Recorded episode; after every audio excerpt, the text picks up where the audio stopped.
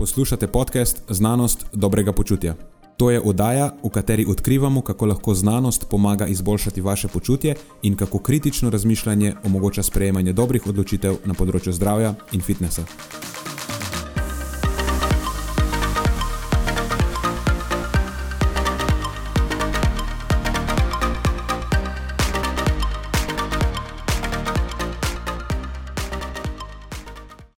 Imamo sicer pripravljeno eno glavno temo, ampak ja. ker je to ognjeni krst, in sem ti ma zadnjič presenetil z, z, z enim člankom, ob katerem je bilo evidentno, evidentno neugodno, okay. imam zate pripravljen set vprašanj. Ok, da vidimo. Da mi povej, to bodo taka čisto filozofska vprašanja, bo malo, da te, da te spravim iz tira. Okay. Kaj misliš, kje je po tvojem naj, najbolj nekoristno čustvo? Preden začnemo, pa se moram zahvaliti še našim sponzorjem.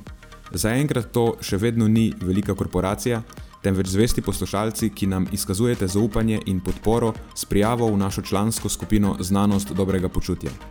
Hvala vsem, ki s tem držite luči prižgane in omogočate podkastu, da raste in postaja še bolj kakovosten.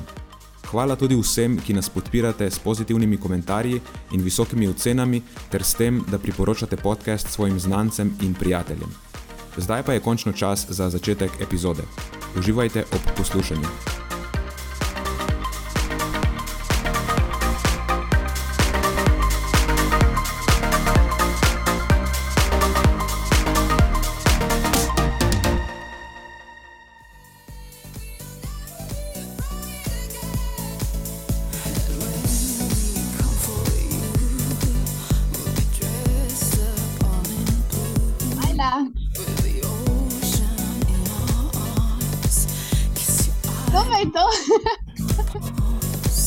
Florence plus the Machine. To ne poznam tega komada. S Calvin Harrisom. A, to so bolj te novi, ne? Po mojem.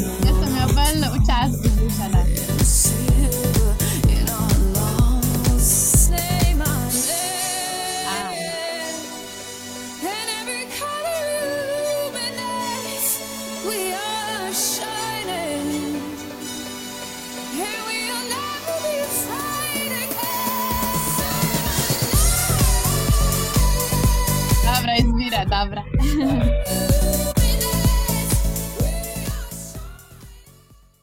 Rekla si mi, da ti je všeč Ja. Florence plus the Machine, pa sem najdel enega, kjer je še Calvin Harris zraven. Bom jaz danes tvoj Calvin Harris, ti si pa lahko uh, Florence.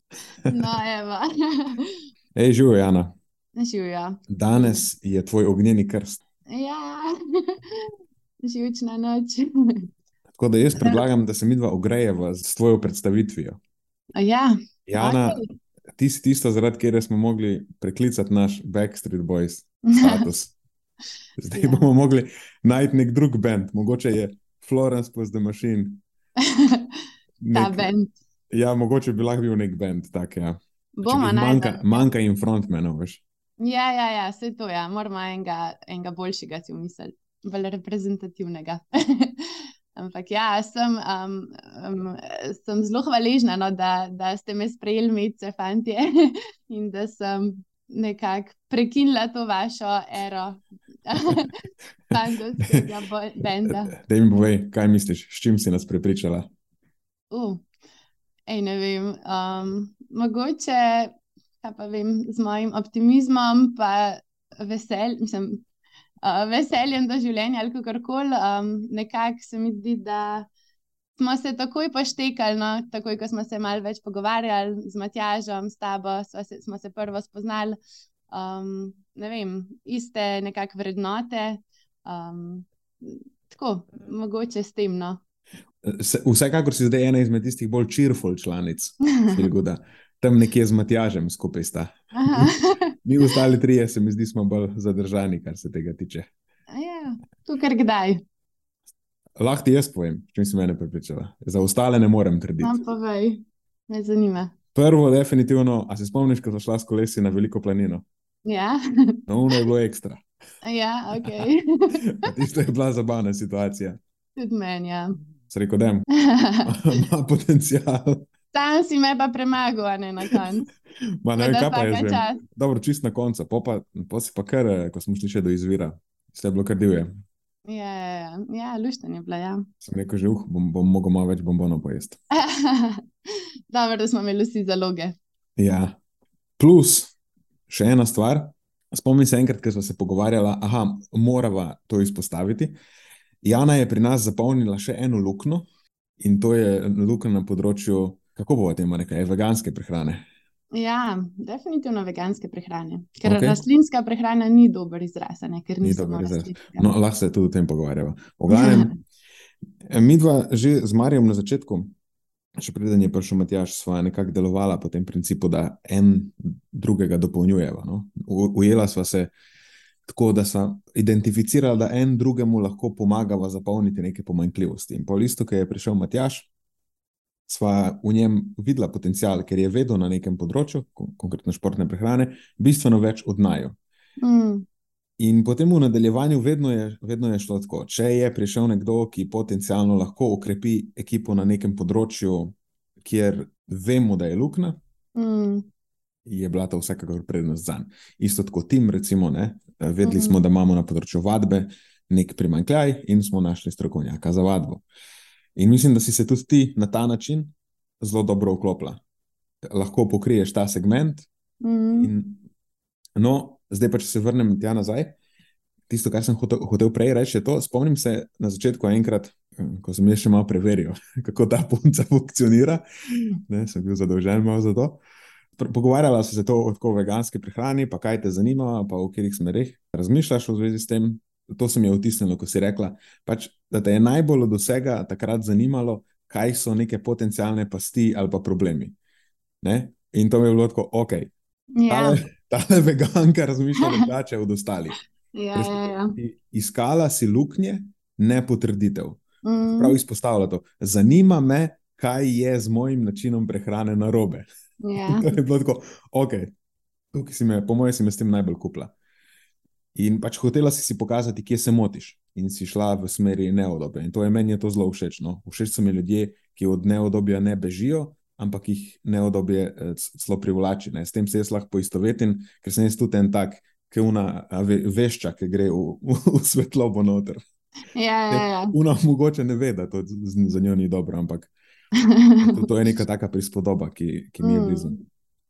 In ironično je to tudi način, kako sem vas odkrila, feel good. Ker takrat, Aha. to boh ve, kako nazaj, pet let ali še več, um, ste bili vi malo na stališču, da veganska prehrana ni lih najboljša. Ne? In takrat sem pa jaz tudi vas odkrila in sem vas pa skozi poslušala, da kar, kar ste imeli kaj zapovedati o veganski prehrani, sem tako napila v šest, čakaj, kaj bo. Oni, oni vejo, o čem govorijo, zdaj me zanima, kaj bojo povedali. Um, da, in zanimivo je bilo tudi spremljati tekom let, ko pa se je malo vse skupaj omehčal, pa tako ja, pa se v bistvu se pa da na nek način. Um, tako da ja, no. Na koncu smo pa pristali skupaj. Če bi mi nekdo rekel, par let nazaj, da, da, da bomo skupaj, da me boste sprejeli v svoje podjetje, si ne bi mislili. No? To je drugače tudi zanimiva zgodba. To naše stališče glede veganstva recimo, je bilo na začetku bistveno bolj. Eh, pa ne, ne vem, če je bilo čisto kontra, ampak videli smo več negativnih stvari kot pozitivnih. Ampak na koncu, z tem, ko so se nabirali dokazi, ko nam je postala teža dokazov na tem področju bolj znana, smo ja. tudi mi prilagodili ja, ja, svoj, svoj, pogled na to in verjetno tudi retoriko glede tega ustrezno umilili. No. Ja, jaz pa tudi praviš. svoj veganski način, ker sem takrat na začetku spremljala frili, da banana grd, pa 30 banan na dan ali kok, pa je šlo tudi čisto narobno smer. Teh 30 banan na dan, mogoče je bilo vredno prav, ne slišiš, kako slaba ideja. Ja, vse smo imeli doma take zaloge banan, da ti ne znam povedati. Vse v sladoledu, ki jih zmrzneš, no, pa, pa na tak način. Z jezika si mi vzela, glik sem hotel ja, reči. Ja. Hm, mogoče, če bi lahko v obliki sladoleda jih jedel. ja, ste res ti pa tvoj sladoled, evo. Ti si glik ja. omenila sladoled. Uh mhm. -huh. Dan zjutraj, evo, sladoled za zajtrk. Sem jedel en bolan sladoled iz drugač, sladoledarna v Kopru med top tri slovenskimi sladoledarnami. Ja. Uh, imam povezavo, ena varovanka mi pripelje vsake tok banjico sladoleda. Oh! Zdaj je bil en okus noter, ki se mu reče rožiči, skaljeno ajdo v beli čokoladi.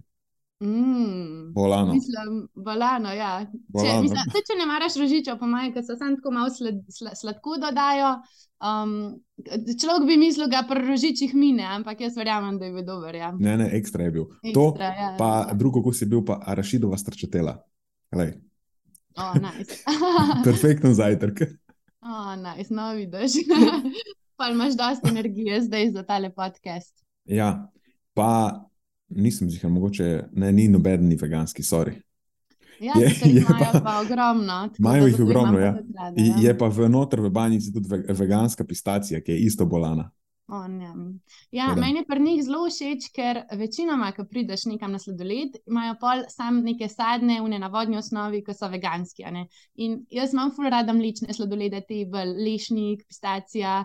No, to in tam v sladoledarni se jih dejansko najde cel kup takih njami, mlečnih, veganskih sladoledov. in Ja. Ja. Oziroma, pač, z- verjetno so pripravljeni na osnovi nekega kokosovega napitka ali pa mleka. Ja, ja, Niso ja, bili no, mlečni, da ne bo kdo rekel, Ja, o čem ja, se ja. ta dva govorita. Ja, ne, ne, ne. Ja, ampak podobni so recimo pravemu mlečnemu sladoledu. Kremastino bomo rekli. Ne tako, bi no. mogel ugotoviti, da Mm. ni ja, navaden ja. sladoled. Enostavno. In res niso dobro naredijo. Ja. Ja, plus imajo, mislim, da je celo skoraj pol pol ali nekaj tasga. Da je skoraj doskrat je pol veganskih, Ja, navadnih. verjetno malo manj veganskih, ampak ja, zelo, zelo so dobro zastopani. To ni sponzorirana objava, Ja. samo res imajo dober sladoled.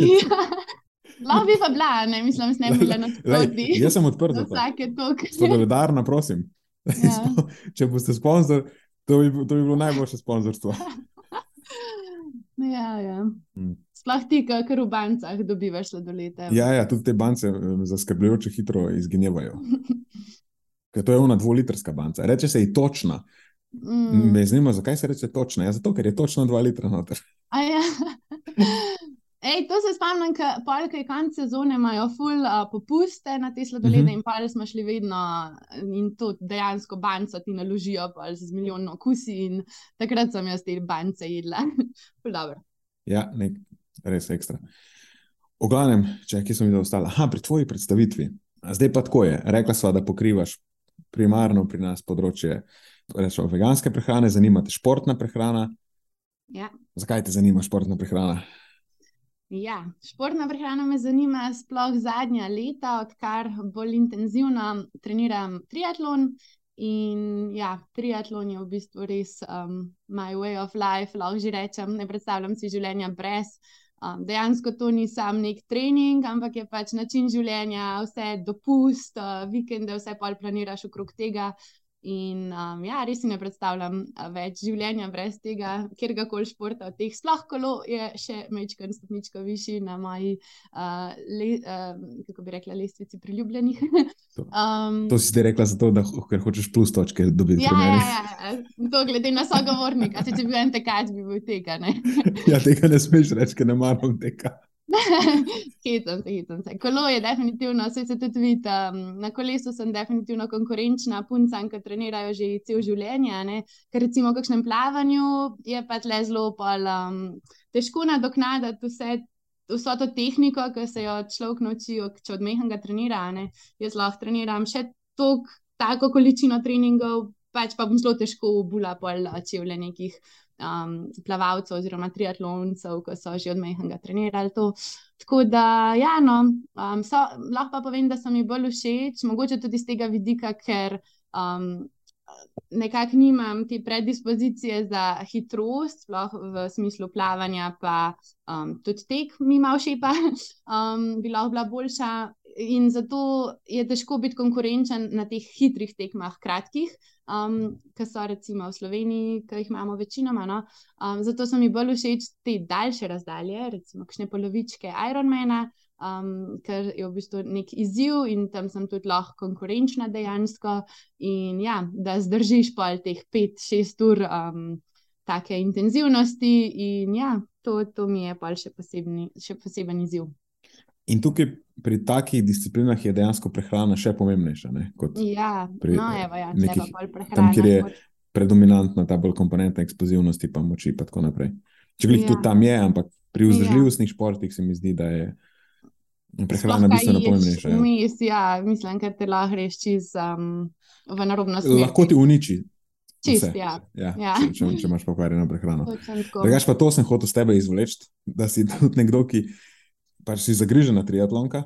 Ja. Da ja. mi ono o tej tekmi na zadnji, ki si bila. Ja, um, v Vrsarju je bila prejšnji vikend, je bila prejšnji vikend. Um, ja, d, državno prvenstvo v polovički Ironmana. Um, bila sem tretja, absolutno med puncami, tako da je kljub nekim težavam, ki sem jih imela na teku, ampak um, ja, sem nekako zborbala. Bilo je zelo naporno, bil je močen veter, um, že valovi v morju so bili zelo veliki in ti je bilo slabo, in uh, voda v ustih in vse to. Ampak smo zborbali, pol kolo je bil tudi težek zaradi vetra, pa zaradi velikih višincev, pa malo slabe ceste. Ampak tudi to je šlo, pol na koncu super tek, bi pa definitivno nekaj, kar bi izboljšala in uh, malo pozabila iz te tekme. Ampak ok, uh, gremo novim zmagam naproti. Kaj pa misliš, da je bilo narobe pri teku? Um, ma to v bistvu težko komentiram, zato ker um, bolel me je trebuh. V bistvu je bil tak krč v trebuhu, za kar bi bila lahko kriva prehrana.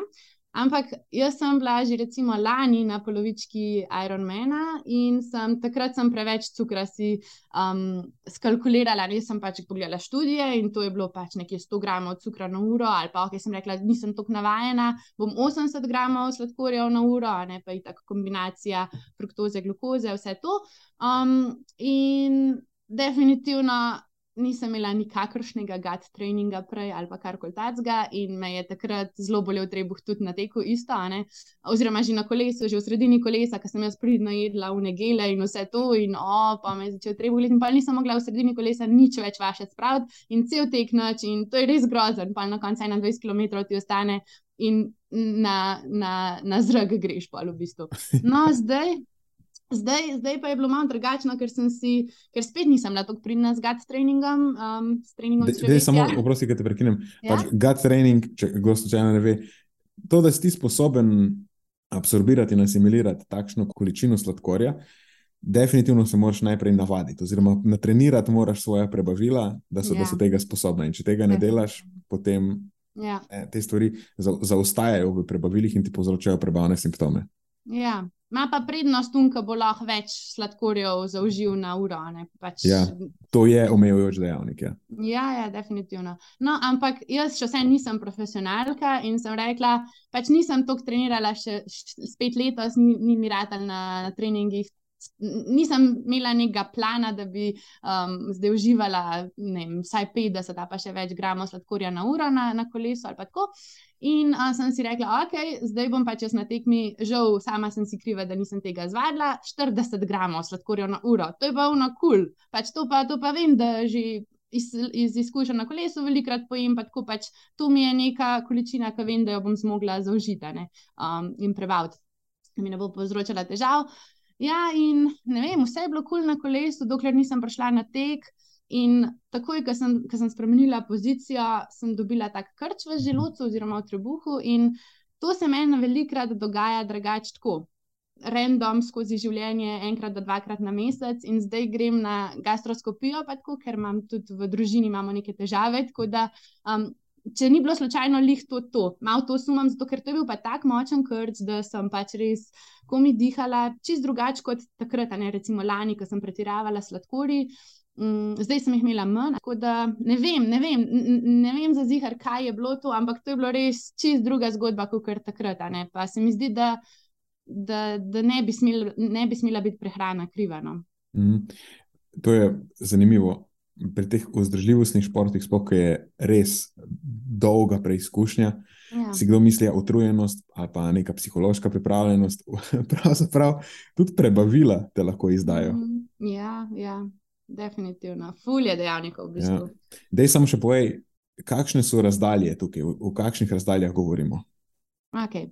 Ta razdalja, ne, torej polovička Ironmana, je kilometr pa 900 metrov plavanja, se pravi skoraj 2 km plavanja.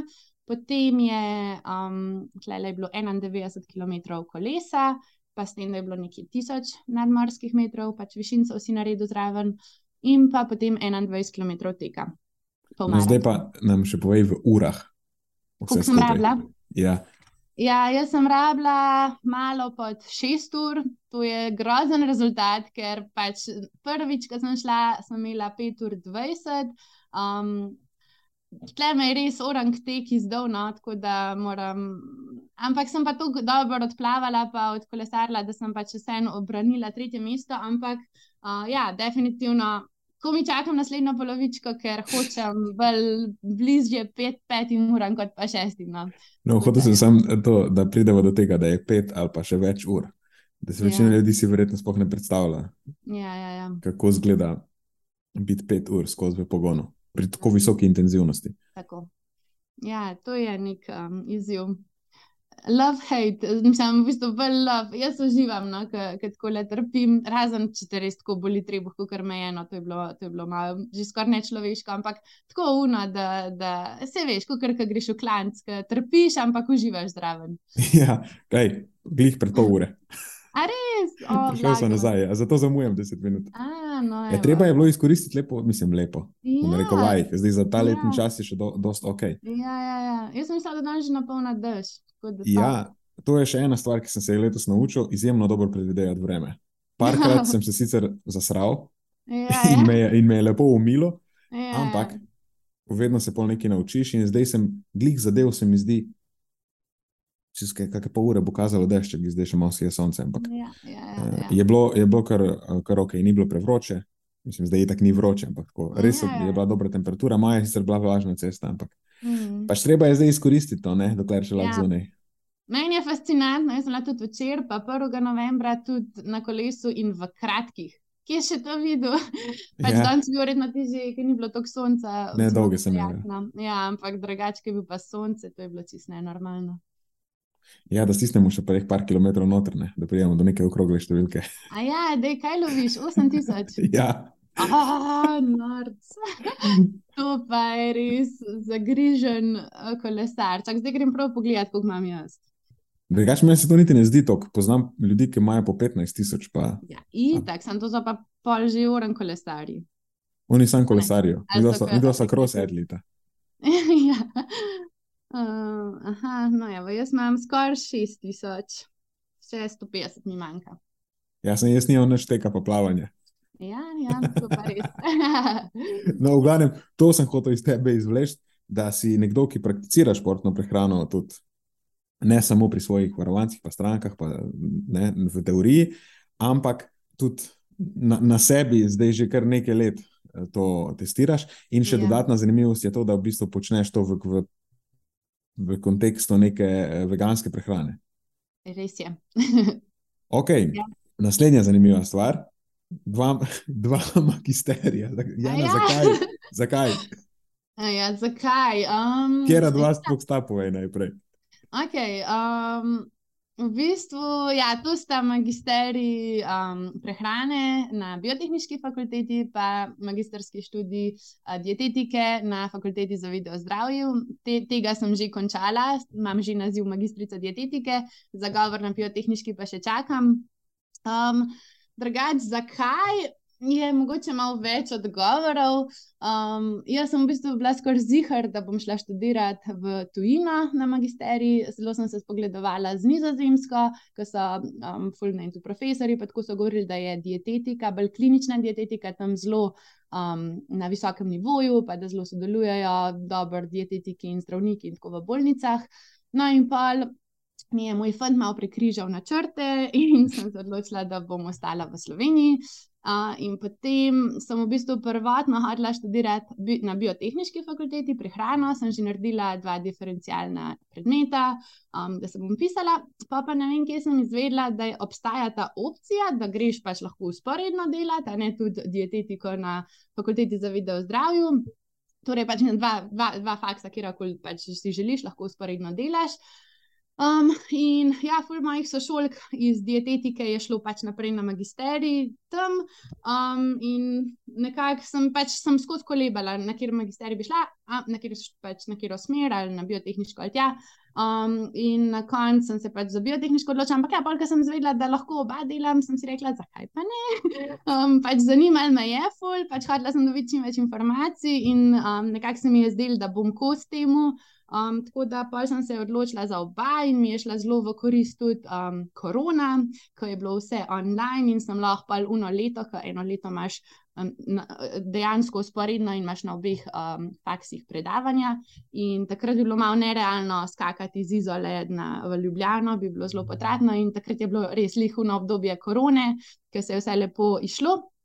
Tako da, um, ja, no, jaz sem fully vesela z mojo odločitvijo. Vsak študij mi je definitivno neki dol. V bistvu se mi je zdelo, da je bil vse skupaj en študij, je bilo lihtko en tak lepo zaokrožen, ful, ful se ni ponavljalo, no, razen kakšna klinična prehrana, drugače pa tam so imeli neke predmete, na biotehnički neke druge in je bilo ja, liht skupaj za eno lepo celoto. Tako da sem vesela, no, da sem se tako odločila. Nice. Moja babica mi je skozi govorila, ko sem bil mlajši, da v vsakem slabem je nekaj dobrega. Ja, zdaj, ki se pogovarjam z različnimi ljudmi za nazaj, vsak zna povedati, kako mu je ta korona zelo šla na roko. Ja, da, okay, se pustimo obstati, res je bilo hudo, fu ljudi Ja. zaradi tega. Mm. Ampak res je zanimivo, kako je vsak, vsaj vsak, v smislu ljudi, s katerimi se jaz pogovarjam. Uh, če jih mož, možno, da imam malo slab vzorec, ker ponovadi so to ljudje, ki iz slabe situacije poberajo dobre stvari. Mi zna, Ja. Ampak mi zna povedati, kako mu je korona koristila. Mm. Uh, to je Ja, res zanimivo. v tem obdobju sem bila zihar, okay, zdaj bom mogla vsaj za to, to eno leto, ko bom imela oba faksa tako intenzivno, pač ne bom mogla več trenirati. Sem se že, že skoraj poslovila od triatlona. In pa na koncu je šlo, sem še več trenirala, kot pa prej. pač res je bilo hudo, a ne? tako da tudi iz tega vidika. Se mi zdi, Ja. da smo vsi, mislim, veliko ljudi, kljub temu, da se govori, da debelost, da se pač je povečala stopnja, pa slabša, ne, vem, med otroci, sploh, ki so jih opazovali, ne, slabša zmogljivost, pa vse, ampak veliko, mogoče mladostnikov ali pa odraslih poznam, ki so pa dobili dejansko čas za športati. Pa, um, Ja. Malo samo inicijativno, mogoče moraš ne lih kakšni, kakšne vodene vadbe, pa to, ampak ja, kakšne ko, kolesarjev se je milijon lo- rodilo, a se ni. Ja, lajme. ja, evo, živ primer. drugač pa, drugač pa uh, to imaš prav. Nekateri so nekat, malo slabše šli skozi to korono, vem, recimo srednješolci so eni, ki so tako zelo, zelo trpeli, ker ta pouk, pa vse tudi osnovnošolci. Pač pouk Ja. preko Zuma je katastrofa. Videl sem dosta blizu, kako ta zadeva zgleda. Eh, k- ker pač poznam, ja, dva, en je srednješolc, druga pa osnovnošolka in vem, kako je to izgledalo. Ja, In tudi to podatke zdaj že dejansko imamo, da se je Mhm. sploh telesna pripravljenost pri teh Mhm. starostnih skupinah tako drastično poslabšala. mm, Eh, Že prej, recimo, so jim ure športne vzgoje ukinjali, počasi, Joj. počasi je vedno manj športne vzgoje. Čist napačen trend. Ja, zdaj pa je v bistvu sploh ni bilo. ja, ja, ja. In V bistvu čudno. odvisno od sreče, kje si rojen, pa koliko so tvoji starši, da so te kaj ganjali, verjetno, ali ne vem, kakšne imaš Ja. možnosti doma. Ja. Ja, Drugače, zanimivo je, da v, tej nedavni raziskavi mm, so ugotovili, da je pet ur na teden bi bilo Mhm. idealno. Ja, ja, ja. To je bila, mislim, da nekje drugje narejena ta raziskava, ne vem, v Angliji ali tako, ampak A da. je bila v Angliji. Ja. Veš kaj, ne vem A, točno. je. Sam spomnim se, da je en profesor iz DIFA govoril o tem, Ja, jaz se tudi spomnim, na unem prispevku na Ja, ja, ja. 24 ure. ne. Ja, ja. da so tri ure tedensko dovolj, da se nekako zaustavi trend Mhm. naraščanja debelosti pri skupini, recimo, ki ima predpisane Ja. tri, tri ure tedensko, ampak ni pa zadost, da, se, da pride do, ne vem, če lahko temu reče, regresije. Mhm, mhm. Ampak pet ur je pa tok, da omogoča mladostnikom, da Ja, eh, ja. vzdržujejo v večini normalno telesno maso, pa neko Mhm. eh, relativno visoko ali pa normalno stopnjo telesne pripravljenosti. Ja, vsak dan v bistvu je ja, definitivno se premikati med poukom, to bi bilo top. Ja. Drugač pa to je tudi v skladu s tistim, kar smo se z Matjažem pogovarjali eh, zadnjič, koliko je število ur zmerne ali pa intenzivne telesne dejavnosti na teden, ki optimalno zmanjša tveganje za umrljivost. Vsaj pri, tisti, Mm, pri tistem vzorcu, kjer so to preverjali v, v ZDA in se je isto izkazalo, da tam nekje med eh, v bistvu 3-4 ali pa tam celo do 6-7 ur. Da, mhm. Ja, v- Vse kaže v tej smeri, da lej, vsaj eno uro na dan, mm, ne, če hočeš optimizirati, je zaželjeno. neke zmerne aktivnosti. Ja. a ne. Drugač pa, da se vrnem nazaj, nisem vedel, da se moram Janu zahvaliti za to, da, da si ostala tukaj. Ja, ja, Jan je ta krivec. ok, cool. Ja. Dobro, jaz mislim, da ste te kar dobro predstavila. Veš? Imamo veganska prehrana, športna prehrana, triatlonka, dva magisterija, dietetika, prehrana. A je še kaj tasga, da bi rada povedala, pa sem jaz pozabil na to? Uh, mislim, da, da, da je kar to tono. Res nimam kaj za dodati. Če bi se mogla sama predstaviti, ne bi tako dobro. No? Okay. Da si dobro vodil tale uvodni del. Me, me veseli. Ja. Zdaj pa greva, ker smo ogreta. Imamo okay. sicer pripravljeno eno glavno temo, ampak ja. ker je to ognjeni krst, in sem ti ma zadnjič presenetil z, z, z enim člankom, ob katerem je bilo evidentno, evidentno neugodno, okay. imam za te pripravljen set vprašanj. Ok, da vidimo. Da mi povej, to bodo tako čisto filozofska vprašanja, bo malo, da te, te spravim iz tira. Okay. Kaj misliš, kje je po tvojem na, najbolj nekoristno čustvo? Oh, nekoristno čustvo. Yeah. Ja. Um, definitivno ne jeza, ker takrat najbolj žgunam na kolesu. um, pa pa vem, jo, jaz bi. Ne, vsako je v bistvu zelo pomembno, fakt. Naj, najbolj, bi, najbolj bi si želela, da ne bi bilo te žalosti in obžalovanja. Uh, v bistvu mogoče je obžalovanje, no? um, da pač se iz vsake stvari, da jo ne obžaluješ, ampak nekako vzameš, da, da je bila z razlogom tam, uh, da se je z razlogom mogla zgoditi, da se iz tega nekaj naučiš, ne pa da obžaluješ, da, da je karkoli, da si imel neko izkušnjo, oziroma to mogoče, da bi izrekla. Ja. Ok, že zanimivo razmišljanje. Kaj bi pa ti rekel? Jaz sem isto kolebal med jezo in obžalovanjem. Ja. In še vedno ne vem, če sem se prav odločil. Najprej Aha. sem bil prepričan, da je pravilno odgovor jeza. Ker jeza ja. se mi zdi tako res nekonstruktivna stvar. Ja. Sploh v ekstremih pač naredite, da se ne moreš kontrolirati, in to je vsaj meni nekaj, kar je izjemno neprivlačno, da je ja. rečeš impulzivno, ja. pa da, eh, kako ti mu rečeš, diskontaš posledice v prihodnosti. Samo ja. zato, da ti, ti je zdaj malo lažje. Ampak, ok, vseeno je jeza neka lahko motivacijska sila, ki če jo znaš pravilno utiriti, pa če jo lahko skontroliraš, lahko nekaj konstruktivnega v tisti situaciji prispeva. Ja. Ali pa greš na kolo, v najslabšem primeru, pa boš fulda brati. Ja, če, če, ja, greš na kolo, ja, če, če, če, če, iz vlastnih izkušenj. To je bolj pomembno, ja. recimo. Ja. recimo. Uh, no, po drugi strani pa sem pa začel razmišljati o obžalovanju in se mi zdi, da je pa to, ja, morda bolj v vseh situacijah nekoristna stvar, ker ti mogoče lahko onemogoči videti tudi, kako je ta situacija, zaradi katere je prišlo do obžalovanja, koristna za te. Se mi ja. zdi, da vsaka slaba stvar.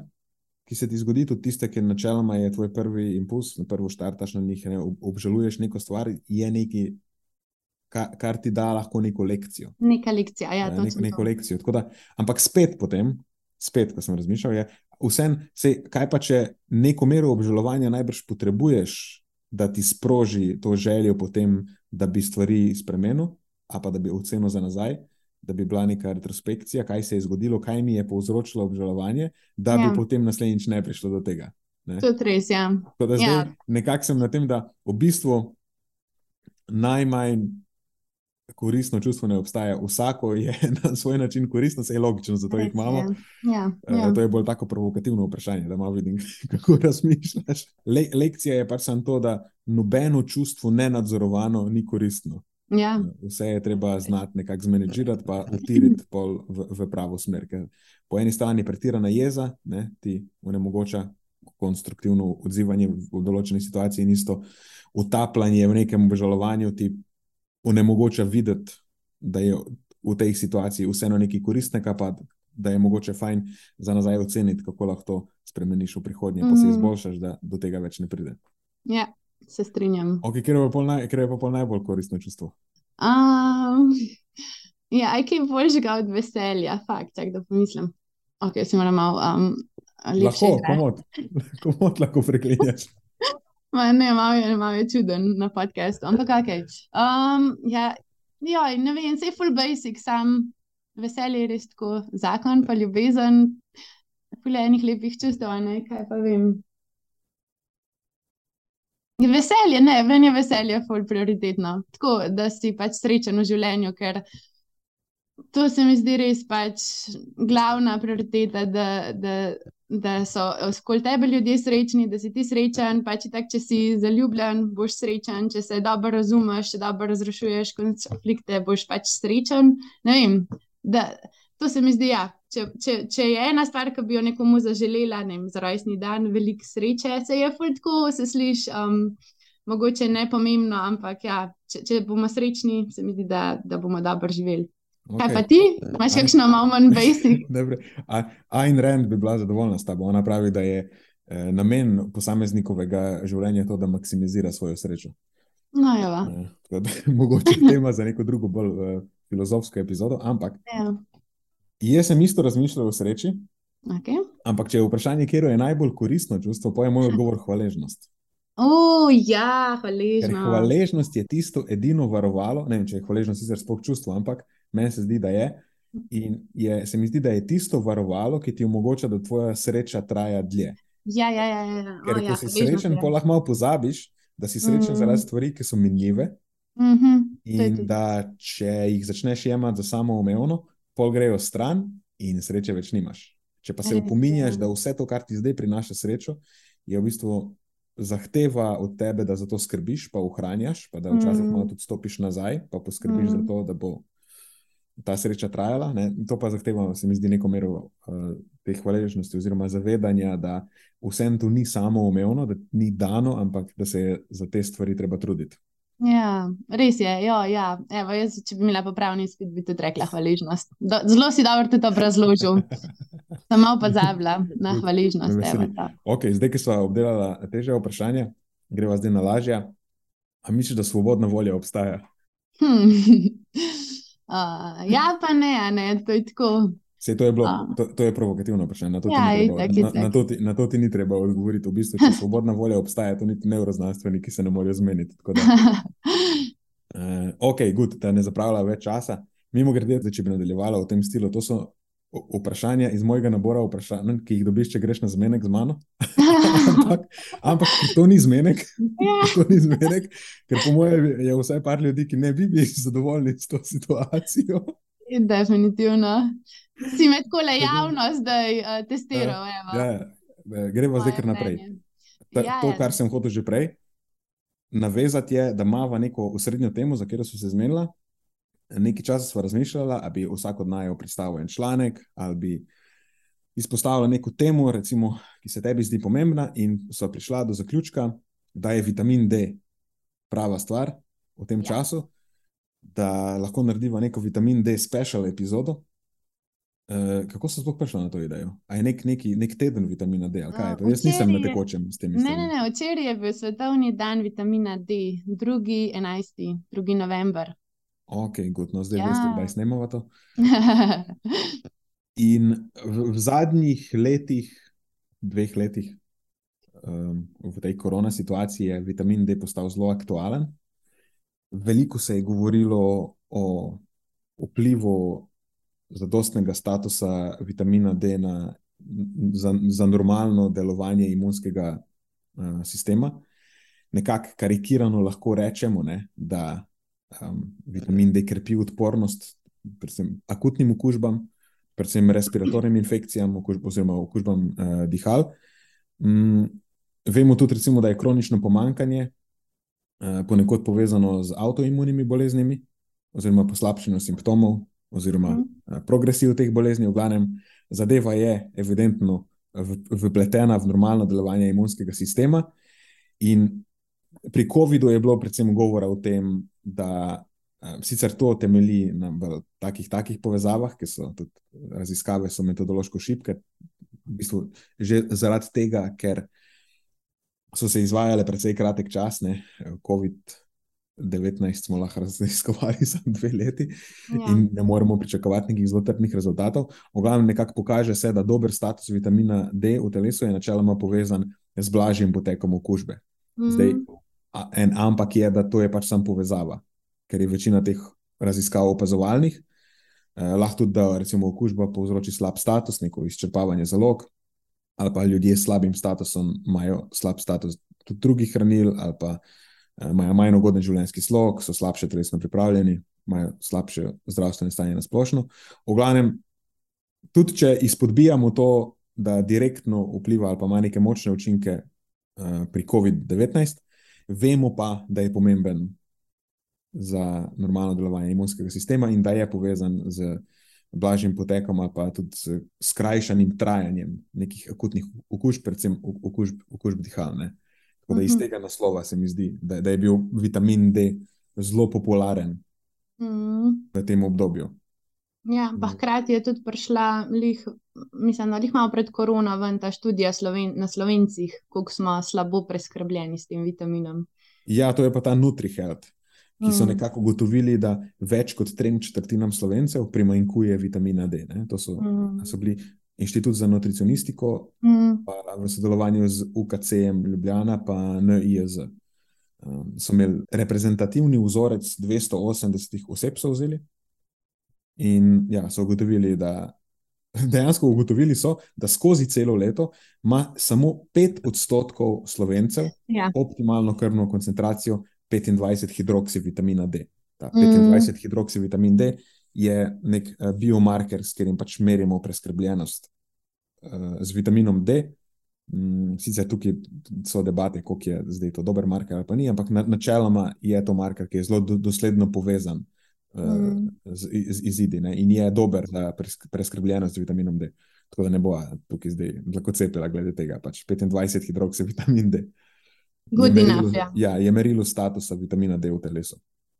In, ja, v bistvu pozima ne, je problem. Tako, ugotovili so, isto vnutri health, da med oktobrom in koncem aprila, to je takrat, ko pri nas dejansko sonce ni, lahko rečemo temu karikirano, zadost močno, um, UVB ne prihajajo skozi atmosfero, ker je pač sonce pod takim kotom, da žarki predolgo potujejo skozi atmosfero in se tam zadržijo, te UVB žarki. UVB žarki so tisti, ki v koži potem povzročijo tvorenje vitamina D iz holesterola. Uh, in so ugotovili, da je hudo pomankanje v tem obdobju, torej med, in, med oktobrom in koncem aprila, pri 40 odstotkih slovencev, in pomankanje, pravo pomankanje, pa pri 80 odstotkih. Mm, Nora, to je res. Vse za zamisliti. In podoben trend opažajo tudi druge po Evropi. Ja. Mm. Uh, Drugač pa so potem izpostavili tudi tvegane skupine, to se, to se mi zdi uh -huh. uh, smiselno izpostaviti. Ker, ja, ok, ko gledaš celo populacijo, imaš neke odstotke, sam, ko pa govoriš o, o tveganih skupinah, tu pa skoraj pol vsi imajo. Ne, če, sami zakoni ja, statistike ja. ti to pravijo. Da, ja. da, da, da med temi, temi tveganimi skupinami, pol praktično vsi imajo uh, suboptimalne statuse, pa pomankanje. Mm. In to so starejši posamezniki, torej starostniki, in predvsem ženske, torej starejše ženske, uh, tisti z nižjo stopnjo telesne dejavnosti. Uh, mm. zdaj, pri teh obeh skupinah je tako najbrž zaradi tega, ker niso dostno zunaj, niti poleti. Ja, pa še tanjšo kožo imajo. Starost je tanjša koža, pa slabša, slabša funkcija organov, kakšni hiter pa ledvica, ne? in se bolj to tudi lahko odrazi v slabši endogeni sintezi. Točno pa... tako, ja. Evo, dobro, da si to bi pozabil povedati. Ja, točno to je lahko tudi razlog. E, pol malo pa še tretja skupina je pa povišena telesna masa. Tukaj pa tudi ja. vemo, zakaj, ker se vitamin D kopiči v maščobni masi in s povečano mm. količino maščobne mase tudi potem nekako ta vitamin D uhaja iz, iz obtoka, v, v, v maščevje. Ja. Je pa tudi ena skupina, ki, so, ki imajo zaznane nižje vrednosti, serumske vrednosti vitamina D, tudi vegani. Recimo. Kljub temu, da tudi vse jedi nimajo zadostnih, ampak imajo pa vegani še nižje, kar je tudi logično, ker večina vitamina D, ki ga najdemo v živilih, je živa, živalskega izvora. Ne? Je pa tudi v rastlinah oziroma glivah prisoten. Okay. To lahko navežemo to razliko med D3 in D2. To ja. sta v bistvu oboje vitamin D. Ja. Uh, sta dve molekuli, ki sta rahlo kemično različni. Eno je holkalciferol, je D3, to je ta, ki je v uh, živalski hrani, ki ga najdemo, v rastlinski hrani pa najdemo D2, oziroma ergokalciferol. Ja. Ja. Po načinu delovanja sta v bistvu enaka. Uh, različna sta po jakosti delovanja, ker oziroma že v startu se D2 slabše absorbira, pa hitreje se mi zdi, da se izloča, pa šipkeje se veže na receptorje. Tako da to je glavna razlika. Da, če bi hodila to tako strniti, bi rekla, to je en, eno profesorico, sem enkrat slišal reči, da farmakodinamika njuna je enaka, farmakokinetika je različna. Aha, In mi je tako všeč, kako je to Lepo za- zapakirano. Ja. Ja, ja, ja. Nenad, a si ti tudi opazil v kakšnih študijah, da pa ni tako jasno izražena ta razlika med D2 in D3? Vem, da se je včasih se je ful poudarjala ta razlika v učinkovitosti, ampak da, ne vem, se mi zdi, da je pa vedno nekako več študij ali pa nekatere študije se pojavljajo, da pa mogoče ne zaznavajo razlike med tema dvema v, v telesu, v sa- v sami učinkovitosti. ja, se je to ti pravim, da, da, ja, aha, da, da to je- je po načinu delovanja sta ja, enaka, ja, ja. mogoče sta različna po jakosti, eh, da je pa, ampak da je predvsem razlika po tem, da se slabše absorbira, pa hitreje izloči. No? Mm, Eh, Da pa oba dva podobno učinkujeta. Um, zdaj, preden greva v sama priporočila, koga je smiselno uživati, pa to, omenjala sva pomembnost vitamina D pri eh, imunosti, pa ohranjanju odpornosti proti ne, akutnim okužbam. Absolutno moramo pa povedati še, še dve zelo pomembni stvari. ki Ena je mogoče še bolj pomembna, ker vitamin D, to je skoraj nekako razumemo kot glavno vlogo. Ne? Čeprav Ja. težko rečeš, kaj je glavna vloga, ampak to razumemo nekako skoraj kot glavno vlogo. Pač vitamin D je pomemben za ohranjanje homeostaze kalcija, pa, ura, pa tudi nasplošno uravnavanje presnove kalcija. in In to je ta njegova najbolj očitna vloga, ki izhaja iz tega, je pri mineralizaciji kostnega in zobnega tkiva. A pa bolj Ja. po domače rečeno, ta vloga pri razvoju in ohranjanju, ohranjanju trdnosti kosti in zob. Tako Ja. če hočete imeti trdne kosti in zobovje, uh, je potrebno poskrbeti za dober status vitamina D in bolezni skeleta, sploh recimo rahitis pri otrocih, pa Ja. tudi recimo osteoporoza pri odraslih. Te dve zadevi sta v veliki meri povezani s pomanjkanjem vitamina D. Ja, definitivno. To je že zelo dobro dokazano. Ja. In pa imamo še drugo stvar, je to, da rabiš tudi zadosten status vitamina D za normalno delovanje mišic, pa možganov in živčevja.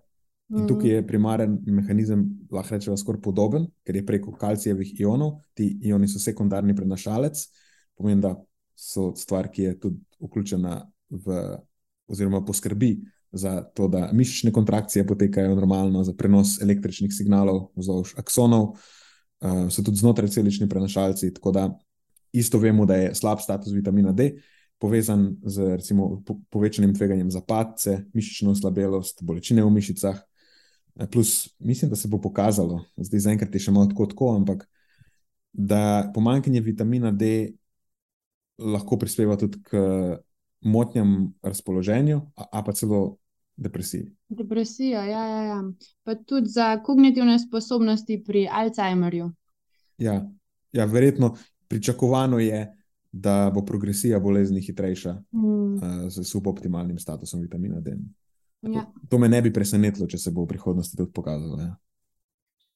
Vedno več, ja, tale vitamin D je zelo um, aktualen in vedno več raziskav se odpira. In, um, se mi zdi, da če bo več čez en ali pa dve leti snemala tole, bo že uh, zelo veliko za dopolniti.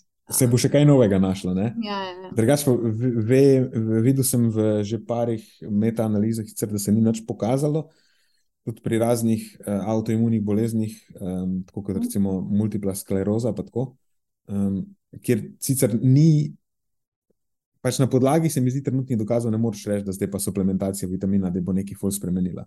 Ampak pač trend kaže v tej smeri, da škodilo ti zihar ne bo. Ja, no. Če- če poskrbiš za, za uh, boljši status vitamina D.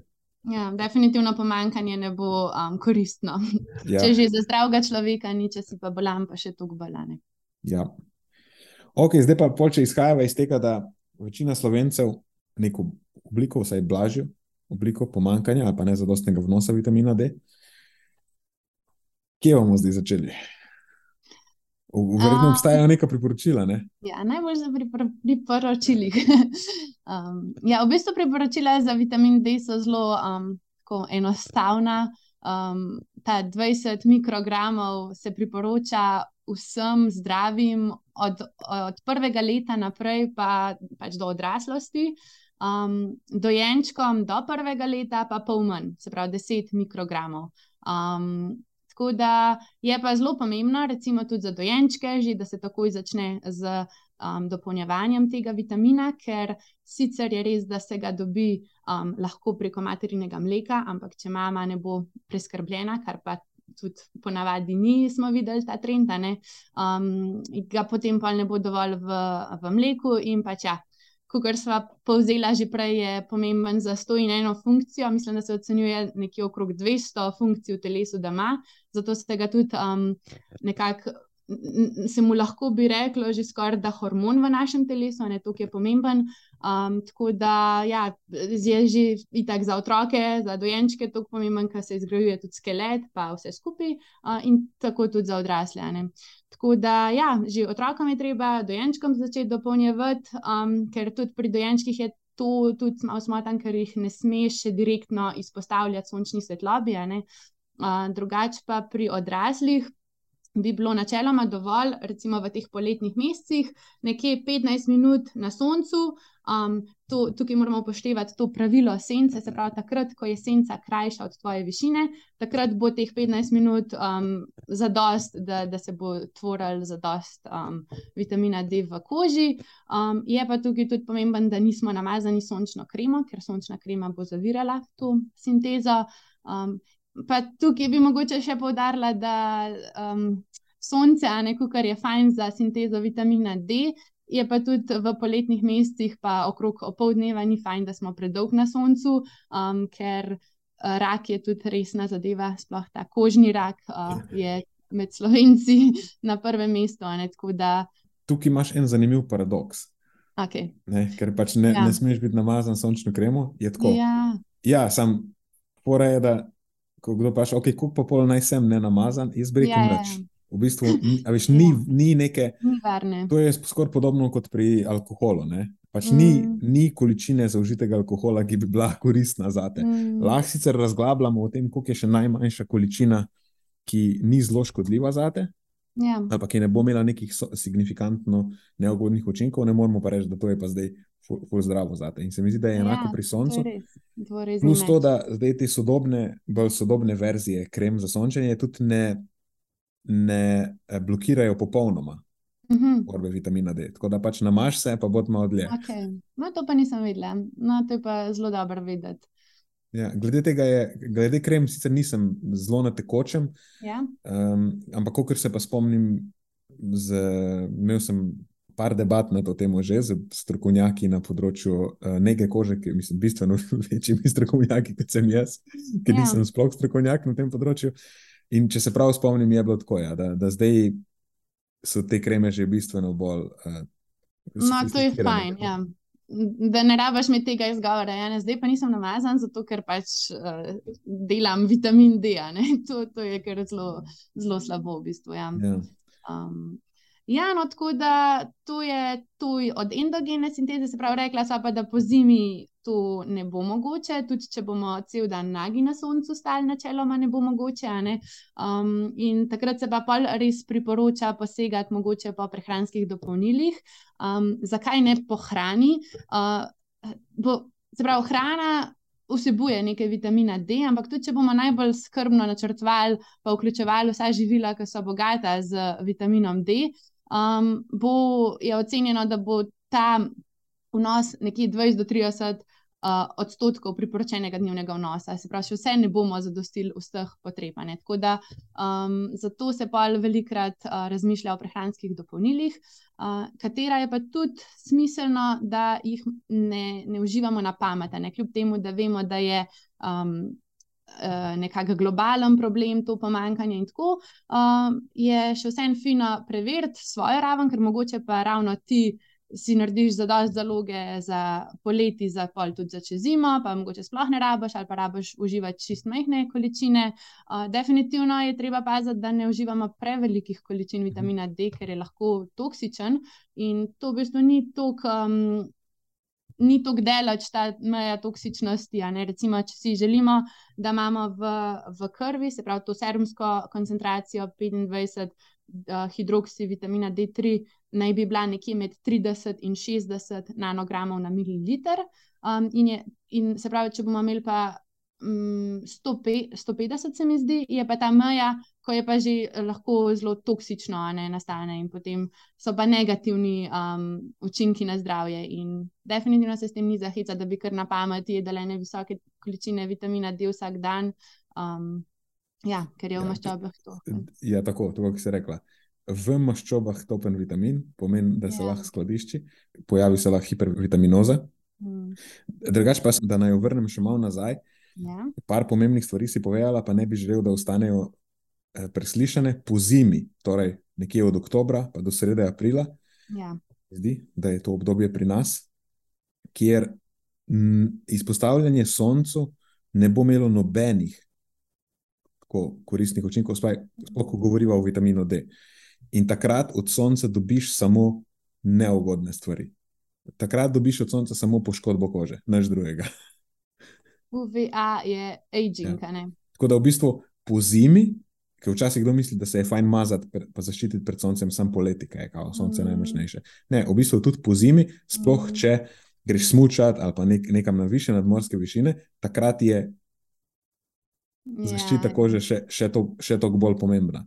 Ali pa v avtu, pač, ko imaš eno roko, ponavadi lahko na soncu, pa eno stran ja. obraza. To je tudi zelo dobro v študijah. Um, dokazano, imamo pa en zanimiv fer. primer, ki se vedno uporablja, primer unega voznika tovornjaka. Ja. Mu je sonce vedno svetlo samo na eno polovico mm. ima to polovico obraza, ki je bila vedno posončena, ki je bila na soncu, res. Tako vidno, vidno, bolj postarano, pa zgubano ja. kot drugo polovico obraza. Pa če je samo to, je še v redu, da ni pa kakšnih um, večjih zdravstvenih zapletov. Ja, če je samo to... zgubena, to je še najmanj, kar lahko dobiš. V bistvu. ja, ja, ja. To je to. Pol naslednja stvar je pa ta, ko sem govorila o priporočilih. Jaz sem videl priporočila, zdaj, ki je bil ta eh, dan vitamina D, oziroma že dva dni prej, zato sem mislil, da je cel teden. So govorili na vseh poročilih o tem vitaminu D, in so podajali tudi neka priporočila, koliko moraš hrane zaužiti, uh mhm. -huh. da lahko nekako zadostiš tem potrebam po vitaminu D, samo skozi prehrano. In sem bil tako, hm, to pa glih ne vem, če štima. No? Ker so rekli, ja. vem, da izpostavili so mastne ribe, kot losos, pa ja, nekaj ja. vemo, da so, ja. ko govorimo o, o navadnih živilih. Ja. Najbolj bo, bogate z vitaminom D, so rekli 200 gramov mastnih rib ali pa recimo obogatena živila. Ja. Jaz sem zdaj tako rekel, to priporočilo ne drži. Ja, ja meni se zdi malo neverjetno, 200 gramov. ja, ni, ni za dost in tudi, mislim, sigurno ni v vseh situacijah za dost. Mm. Ker na absorpcijo iz prehrane, pa to velja tudi za prehranska dopolnila, da ne bo kdo mislil, uh mhm. -huh. vplivajo različni dejavniki. En vnos maščob.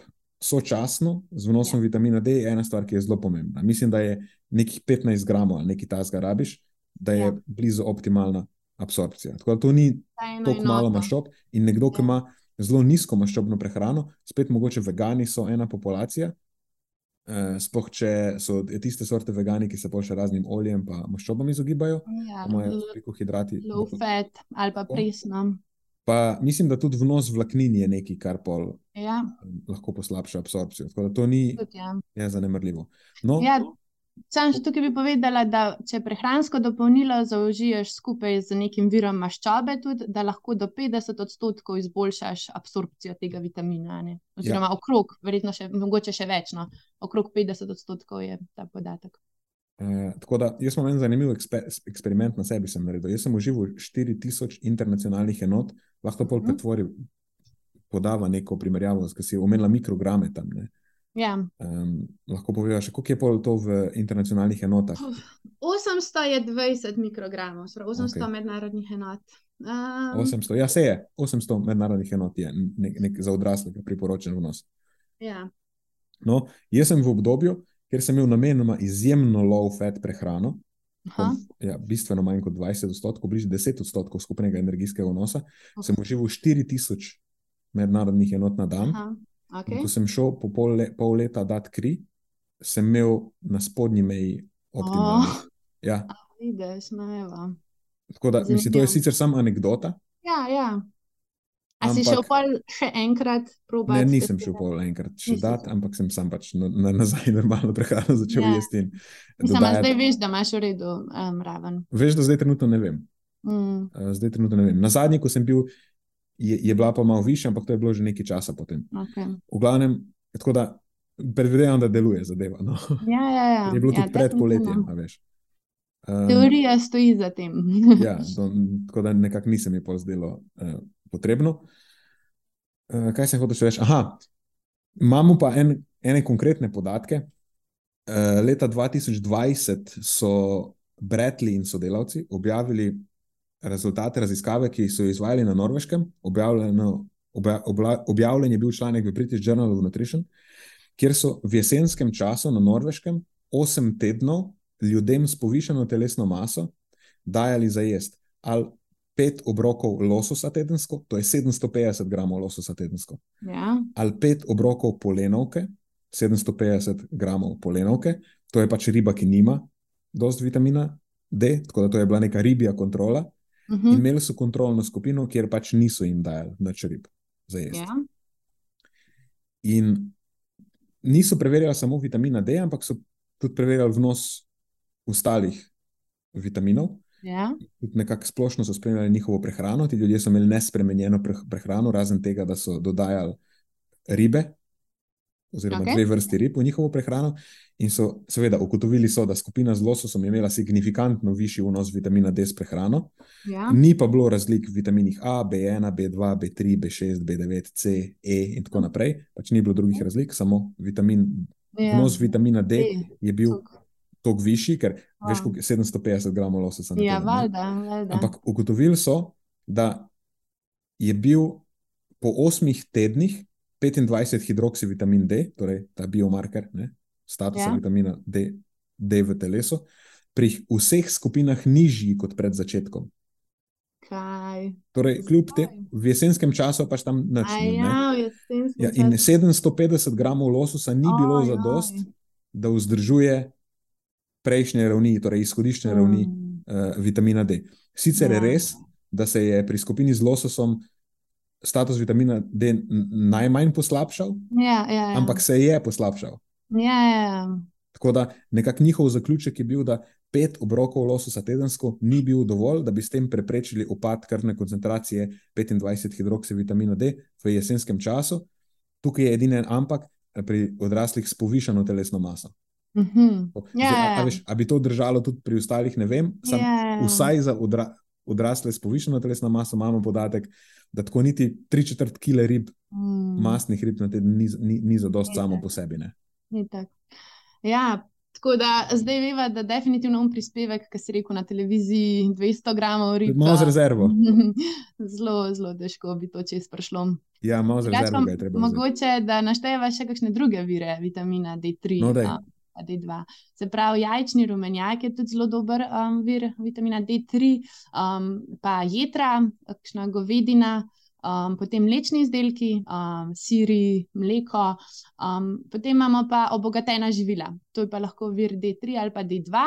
Uh, se pravi, kakšne žitarice za zajtrk, uh, kakšen kruh, kdaj, margarine so velikrat obogatene, uh, kakšna olja, kaj še.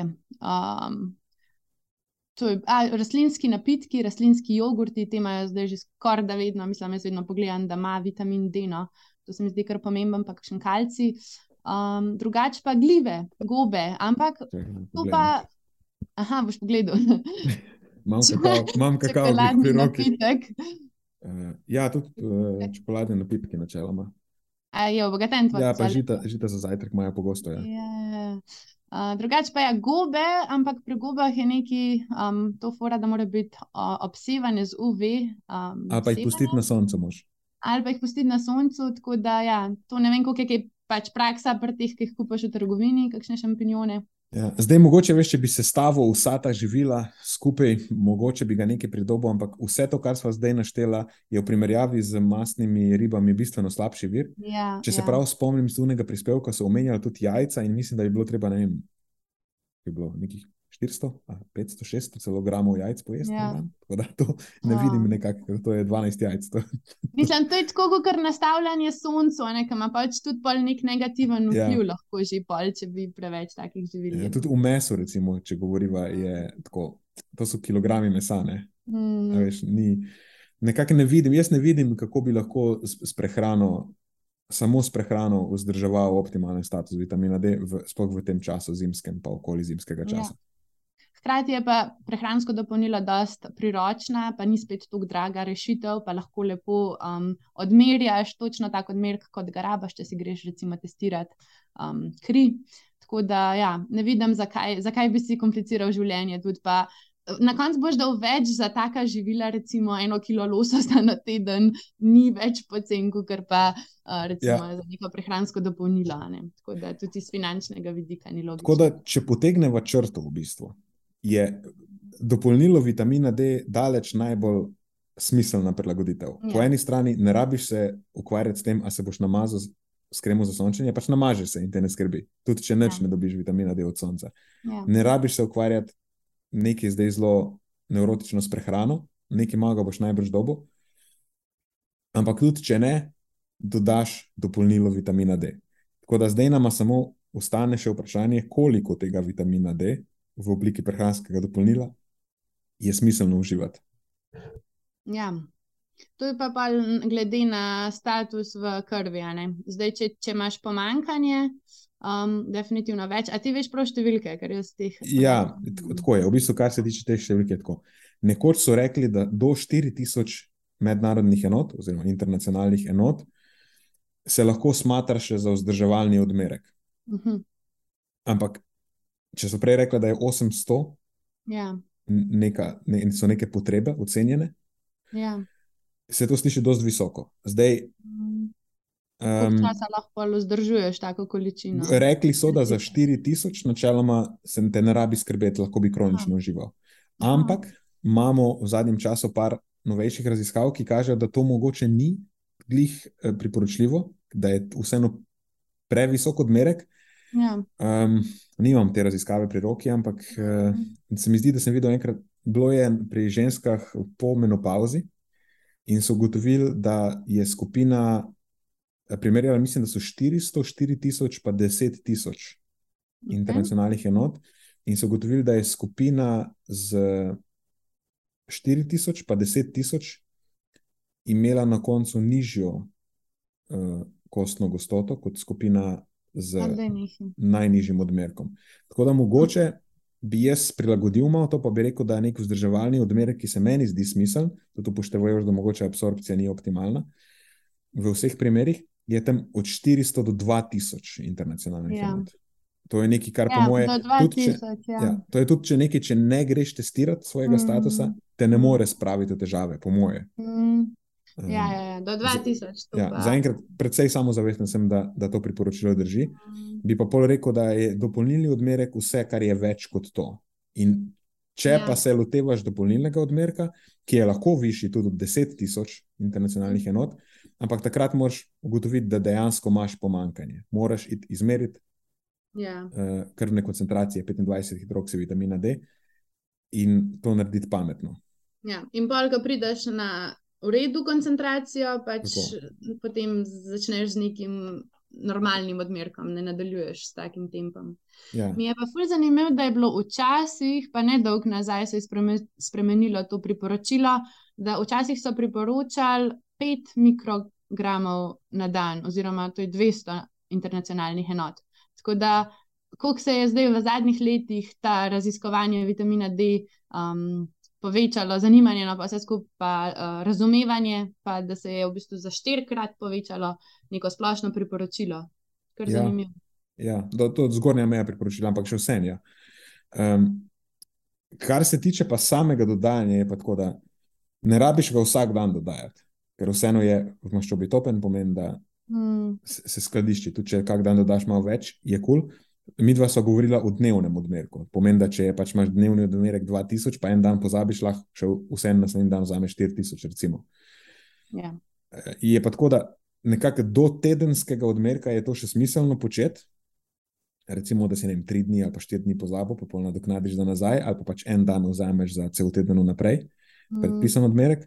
Uh, več kot to pa najbrž ni priporočljivo, ker je povezano mm. tudi z določenimi neugodnimi učinki. Recimo, da bi mesečno, pa celo da bi leten odmerek vzel. Ja. to pa te lahko spravi v težave. Sploh, mm. če si mm. vzel to, brez da bi preveril izhodiščen. Ja. status vitamina D. Si znam predstavljati. Ja. Ker nekoč so to počeli. Jaz se spomnim, da je moja babica dobila eh, na recept tisti plivitov vitamin eh, D ja. in je mogla popiti celo naenkrat. Kaj? Ja, ja. In dejansko je to naredila. Ja. ja. Pa je bilo vse v redu. Ja, vse je bilo v redu. Ja. Ampak ona je takrat imela pač pomankanje. Tako je huda pomankanje, a res. Ja. Ampak zdaj nekako mislim, da se tudi smernice od tega malo oddaljujejo. Oziroma, ja. je to nekaj, kar velja da ni priporočljivo. Če, vsem, pač, če je bil človek toliko časa v takem pomankanju, ne rabiš zdaj iz danes na jutr, mislim, pa vsaj v roku enega tedna. Ja. Jaz razumem, da veš pri starejših, pa, pa se pri nekom, ki ni vajen, ima prehranskih dopolnil, veš, lahko se zgodi, da bo pozabil, pa pojem, ja. je mogoče lažje reči, ok, tukaj spi to pred mano, zdaj pa ja. pojdi domov, pa si eno ja. leto miren. Sam pač mm. pač ni tako enostavno če se ne motim, mi, mislim, da dobijo starejši tudi na recept. Ja. Tako, lahko dobijo na recept. Ja. Tako kot B12, tudi se mi zdi, da ga lahko dobijo na recept, starejši. Ja. Kar kol. Ja, tako da to je to, kar se tega tiče. Pa, ja, zdaj, a veš, tudi če spijem jaz uno celo flašo, pa sem to naredil na tešče vprašanje. Ja, idem. Ne od tega. Itak, uh, tako da re, rečemo vzdrževalni odmerek od 400 do 2000, če nisi ugotovil, koliko imaš sploh Ja. Kako, kakšen je sploh tvoj status vitamina D? Um, v vsakem primeru je od 800 do 2000. 800 je teh 20 mikrogramov. Ja, ampak s 400 lahko začneš, predvidoma, da ga je nekaj tudi v prehrani. Ja. Recimo, ne? To je neka spodnja meja. Ja, to je neka spodnja meja, pa do 2000. Um, Vseeno pa v vsakem primeru je smiselno preveriti status, pa, pa če ugotoviš, da imaš pomankanje, pa ustrezno povečaš odmerek. Mm recimo čez 2000, 4000, v skrajnem primeru tudi 10 tisoč internacionalnih enot. Ja. Eh, sam spet, še enkrat, ne tega početi na pamet. Mm. In pa pol ta odmerek imate dnevno, ali pa recimo tedensko, je največ, kar je smiselno.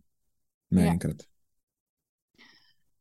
Tako ja. pa mogoče bi tukaj izpostavila še nosečnice, pa doječe mame, ki morajo okay. tudi še toliko bolj paziti na uh, ta vnos, da, da imajo zadosten status. Uh, je pa, pa je opažen trend, da pri nosečih ženskah uh, je povišena um, ta pretvorba v, aktiv, v telesu v aktivno obliko, ne, v kalcitriol. Um, in to verjetno čist zato, da ker se pač v plodu razvija skelet, pa tudi da imajo same nosečnice boljši imunski sistem. To so neka ugibanja, zaenkrat ni še pojasnenega mehanizma, kot vem um, ja, da, da, da nekako zaščitijo. In to je v bistvu nek zanimiv pojav, evolucijska, verjetno prilagoditev, um, da, da, da se to pri um, nosečih ženskah zgodi. Uh, pri doječih um, mamah pa spet um, morajo pa, paziti, ne, ker se skozi mleko izgublja take količine vitamina D, ne, da morajo potem še bolj previdno. Um, mogoče malo povišati vnos iz prehranskega dopolnila. Ja, ampak spet ne pretiravati spet ne prediravati.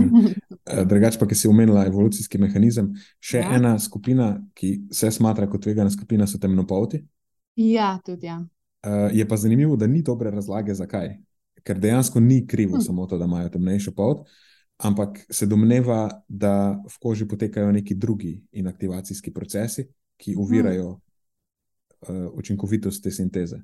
Tako da je v usporedno s tem nek tudi mogoče zaščiten mehanizem, ker načeloma so te dve stvari se upadata. Temnopolti ljudje so zgodovinsko živeli bliže ekvatorja. Ja, točno tako. Ja, in, so, in so imeli zaščito tudi očitno na, na tem uh, področju ja. evolvirano. Ja, mislim, to, to se meni zdi tako, ne, ker tudi uh, svetlopolti ljudje imajo tudi povišene tveganje za um, kožnega raka, ne, se pravi, in tudi boljšo um, sintezo vitamina D, vse, ne, Tako da neki, neki se upada tle. Mhm. Um, temnopolti imajo pa boljšo zaščito, ne pred soncem, se pravi, manj uh, kožnega raka in hkrati tudi slabšo uh, endogeno sintezo, ampak če sva rekla, da tudi svetlo pa v tem priporočava, da se mažejo Ja, enako. s kremo, tako da v bistvu tukaj ni neke pomembne um, pol razlike.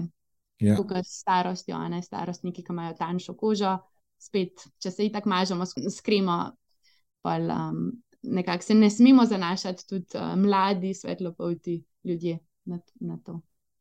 Ok, jaz mislim, da so kar dobro zaokrožila ta vitamin D. Ja, Povej mi, se strinjam. Mislim, Kako se da- zdi, kako, je, kako, kako se ti zdi ognjeni krst? Ja, no in kada sva šla na eno kavico, lepo se vam pogovorila, tak, um, se mi zdi, da sva dobro zaobjela vse in da upam, da bo zanimiv poslušalcem tudi. Ja, pa se sem ti rekel, da bo kar sproščen pogovor. Ja, ja, ja. Me je bilo preveč strah, kot je dejansko Pa bilo saj. grozen. Ja, ja. A vidiš, nič hudega ni bilo. Kakšna je pa tvoja ocena? Ne, jaz sem zadovoljen, No, super. Me veseli. tudi mene. Zdaj pa še vedno ne dežuje, Nina, tako je to, grem še jaz na en kolo. Zdaj pa lahko greš ti na kolo. Ja. Je moje, moje, očitno nisem tako dober vremenoslovec, kot sem mislil, da sem. Ej, jaz, prav, jaz sem se naučila, da dež skozi napovedujejo in tako fulkrat ga ni. No. Mislim, pač prav ne smeš gledati vremena in se zanašati na ta dež, ker pa si tako v sobi sediš in si tako, jaz bi bil že trikrat nazaj iz kolesa, če, če, bi se, če ne bi poslušala tega vremena. Tako da fulkrat se motijo, se mi zdi, vsaj letos imam tako občutek. No. Vem, Ja, upam, da se ne boš odpravila, pa te bo polo pravila. Bomo videli, drugače pa plavanje absolutno ostaja danes na meniju. Good. Ok, čau.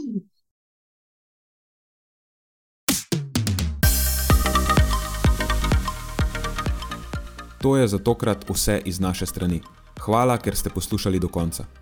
Delite epizodo s svojimi znanci in prijatelji in jo priporočajte dalje, saj s tem omogočite, da sporočilo znanost dobrega počutja doseže čim večjo množico. Hvala vsem, ki nas podpirate s članarino in tudi vsem ostalim, ki delite podcast dalje in nam izkazujete naklonjenost z visokimi ocenami in pozitivnimi komentarji. Se slišimo prihodnjič, do takrat pa ostanite premišljeni.